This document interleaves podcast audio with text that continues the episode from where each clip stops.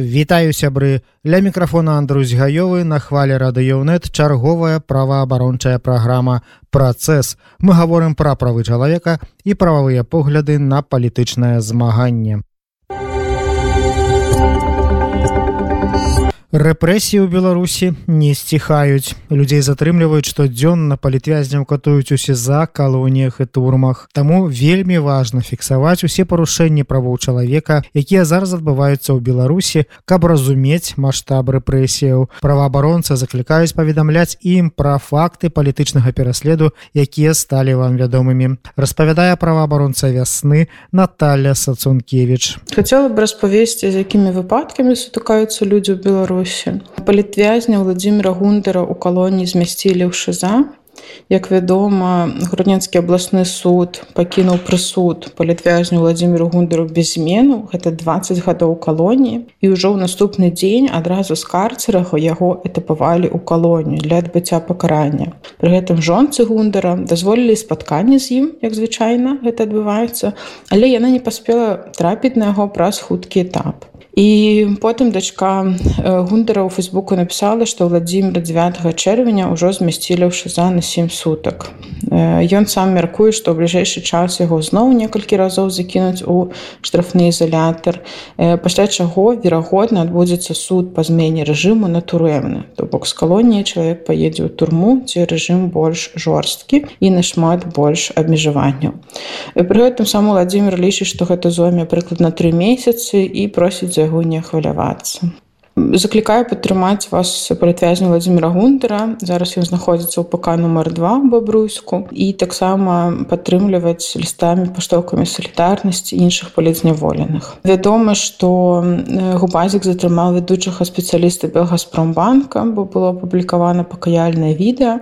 На гэтым відэа мужчыну прымушаюць сказаць што ён неаднаразова наведваў мітынгі а таксама быў падпісаны на так званыя деструктыўныя тэлеграм-каналы У спіс экстрэмістаў дадалі яшчэ 25 прозвішчаў і цяпер у ім амаль 3000 чалавек пастаянным ціскам сутыкаецца анархіст і палітвязень александр францкевич яму ў чарговы раз працягнулі тэрмін адбывання у шза. Вядома што александр францкевич актывіст анархіцкага руху і фігурант справы рэвалюцыйнага дзеяння. Ён быў асуджаны да 16 гадоў і 9 месяцаў калоніі ва ўмовах строгага рэжыму. Адбываць тэрмін палітвязня накіравалі ў сярэдзіне сакавіка у вацевічскую калонію номер 5 Раней паведамлялася, што адразу з каранціна 28 сакавіка яго змясцілі ў штрафны ізалятар. І пасля гэтага александр не выходзіў шыза і 15 чэрвеня пасля чарговага спагнання мы зноў далі 10 сутак. Хочу нагадаць што такое смяшчэнне у шыза гэта з'яўляецца проста катаваннем у чыстым выглядзе бо чалавек пазбаўлены базавых рэчаў і сутыкаецца з немаверным псіхалагічным і маральным ціскам таксама вясне стала вядома што віцебску апытваюць жыхароў якія маглі даваць інтэрв'ю белсанту у 22 ці 23 годзе. І это такая мне падаецца ну конечно не новая гісторыя але выглядае так быццам бы улады бяруцца за новых і новых людзей шукаюць каго яшчэ можна пераследаваць хто яшчэ не згодны хто хоць неяк крытыкуе рэжым. Даволі цікавая гісторыя адбылася з тым што сайт і соцсеткі праекту будзьма беларусамі прызналі экстрэмісцкімі і нагадаю што на сённяшні дзень гэта азначае што калі вы падпісаны на такія соцсеткі ці перасылаеце матэрыялы то можете быць прыцягнуты да адміністрацыйнай адказнасці і апошняе што хацела распавесці гэта э, так званы сцягапад у беларусі бо выносяцца новай прасудаць да за знявагу дзяржаўнай сімволікі вясне стала вядома як мінімум пра два такія выпадкі у адным з іх э, у менску э, чалавеку было прызначаны два месяцы арышту за тое што ён э, каля адміністрацыйнага будынку адной з сярэдніх школ сарваў чырвона-зялёны сцяг і як стало вядома падчас суда што ўстанове адукацыі быў нанесен урон у суме 25 рублёў 20 копеек і яшчэ одна справа разглядалася ў суде барысаўскага района прысуд пакуль невядомы. Михаила антипова абвінавачваюць по артыкулу 370 крымінальнага кодекса. Это таксама абразу дзяржаўных сімвалаў. Будемм сачыць але бачым што такія прысуды зараз носяць рэгулярны і канешне рэпрэсіўны характар вясна як заўсёды працягвае моніторных сітуацый з правамі чалавека ў беларусі а таксама аказвае дапамогу. На жаль вымушана сказаць што за апошнія дні беларусі па-ранейшаму працягваюцца затрыманні ператрусы катаванні ў изолятарах оказывается ціск на палітвязняў незалежныя медыапрадукты прызнаюцца экстрэмісцкімі матэрыяламі экстрэмісцкімі фармаваннямі. Адбываюцца рэпрэсію дачынення да людзей якія актыўна выказваюць сваю пазіцыю у адносінах да вайны распачаты узброенымі сіламі рассіі ва ўкраіне пробачыцца трывясна збірае факты палітычнага пераследу беларусаў беларусак інфармацыя дапаўняецца у нас на сайце у тэлеграм-канале і таксама заклікаю калі васці ваших блізкіх затрымалі то паведамляйце нам праз тэлеграм-бот вясна бот ці на гарачую лінію тэлеграм вясна сос далей у нашай праграме традыцыйная хроніка палітычна матаванага пераследу паводле маніторынгу праваабарончага цэнтру вясна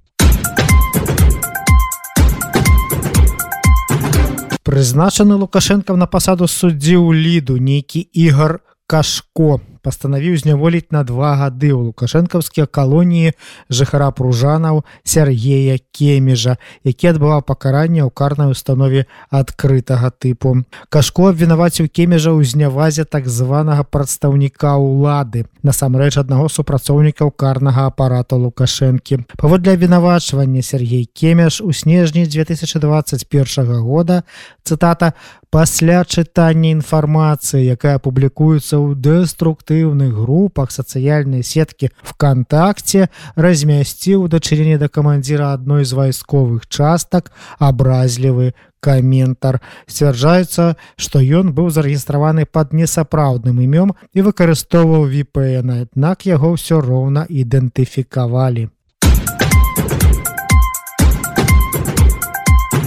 У горадні затрымалі спартовага дырэктара футбольнага клуба Нёман Дмітрыя Кавалёнка. Карнікі апублікавалі з ім так званае пакаяльнае відэа, дзе ён прызнаецца, што затрыманы за падпіскі на так званыя экстрэмісцкія каналы і ўдзел у мірных пратэстных сходах. Карнікі ж сцвярджаюць, што на кавалёнка данеслі самі футбалісты каманды, нібыта ён распаўсюджваў сярод іх экстрэмісцкія ідэі. Нагадаю, што пасля фальсіфікацыі выбараў і гвалту супраць беларусаў у беларускім спорце адбыўся падзел. Многія спартоўцы сталі на бок народу. іншыя ж прынялі бок самаабвешчанага прэзідэнтам Лукашэнкі. Тых, хто не падтрымаў фальсіфікацыю выбараў, сталі паступова выключаць са спартовых камандаў пераследаваць пазней высветлілася што кавалёнак вызвалены але ён вымушаны быў пакінуць сваю пасаду ў футбольным клубе нёман лукашэнкаўскі кгб дадаў так званы спіс асобаў датычных да тэрарыстычнай дзейнасці журналіста былой газеты камсамольская правда в беларусіі геннадзя мажэйку. У сакавіку гэтага года прызначана лукашенко на пасаду суддзі нейкая татяна фалькоўская прысудзіла мажайку тры гады зняволення у лукашэнкаўскія калоніі за артыкул у той самай камсамольскай правдзе в беларусі у якім знаёмая айцішніка Андрэя зельцара якога ў 2021 годзе кгбшнікі забілі ва ўласнай кватэры уварваўшыся туды без апазнавальных знакаў і форменага адзення станоўча характарызавала зельцара. Гэты артыкул карнікі у тым ліку файкоўская інтэрпрэтавалі як распальванне варажнечы нібыта да агентаў кгб. Таксама мажайку ставілася ў віну абраза лукашэнкі. Фалькоўская угрунтавала вінавачванне ў гэтым на падставе дыктафоннага аўдыязапісу з сустрэчы выбаршчыкаў з дэпутатам варанецкім у якім чутна негатыўная рэпліка на адрас лукашэнкі. Фалькоўская на дапушчэнне таго што гэтую фразу сказаў мажэйка абвясціла яго вінаватым у абразе лукашэнкі. Як гэтыя дзеянні мажэйкі калі нават іх лічыць злачынствамі звязаныя з тэрарызмам кгб не абгрунтоўвае прызначана лукашенко на пасаду суддзі ў менскі гарадскі суд. Нейкая любоў семахіна абвясціла вінаватым у фінансаванні экстрэміскага фармавання і загадала кінуць лукашэнкаўскія калоніі на чатыры гады жыхара менску кирыла клімова за данату фонды падтрымки рэпрэсаваных байхелп і байсол агульная колькасць сродкаў за які семахіна рэпрэсавала клімава 60 даляраў 6 данатаў по 10 даляраў кожны на так званым суддзе кирилл клімаў сваёй вины не вызнаў патлумачыўшы што пералічваў грошы на дапамогу пацярпелым ад палітычных рэпрэсіяў Некі Яўген Пісарэвіч, якога асабіста Лукашенко сваім указам прызначыў на пасаду суддзі ў Менскі гарадскі суд, выдаў пастанову зняволіць на чатыры гады ў лукашэнкаўскія калоніі відэааператара Паўла Падабеда за рэалізацыю права на збор і распаўсюд інфармацыі супрацу з беларускім тэлеканалам белсад які працуе на беларускую аўдыторыю з польшчы для якога падабе драбіў відэаматэрыялы пісарэвіча нарапратаваў як стварэнне экстрэміскага фармавання альбо ўдзел у ім і абвясціў падабеда злачынцам паводле часткі 3 артыкула 364 прым крымінальнага кодексу. Нагадаем што згодна з артыкулам 19 усеагульнай дэкларацыі правоў чалавека кожны чалавек мае права на свабоду перакананняў і на свабоднае выражэнне іх. Гэтае права ўключае свабоду бесперашкодна прытрымлівацца сваіх перакананняў а таксама свабоду шукаць атрымліваць і распаўсюджваць інфармацыю і ідэі любымі сродкамі незалежна ад дзяржаўных межаў у лідскім раёне сілавікі ўварваліся ў дом да асуджанага паводле палітычнага артыкула але ён там даўно не жыве. У доме жывуць яго былая жонка і десятгадовы сын які пасля начнога візіту моцна спалоханы. Валерый бурдык у 2020 годзе ў сацецы аднакласнікі назваў лідскіх міліцыянтаў прозарова і квача фашыстамі Гэта было адразу пасля выбараў. Я бачыў як яны збівалі людзей. Вось на эмоцыях і напісаў расказваў валерый. Яго асудзілі на паўтара года хатняй хіміі і аштрафавалі на тысячу рублёў. За чатыры месяцы да заканчэння тэрміну збіраліся рэальна пазбавіць волі. Бурдык вымушаны быў бегчы у літву. Падчас таго як пералазіў забор зламаў нагу за зламанай ногой каля кіламетра поўз да літоўскіх памежнікаў але і пасля ўцёкаў з беларусі сілавікі тэлефанавалі яму ў вайбер і пагражалі дастаць яго 80гадовую маці.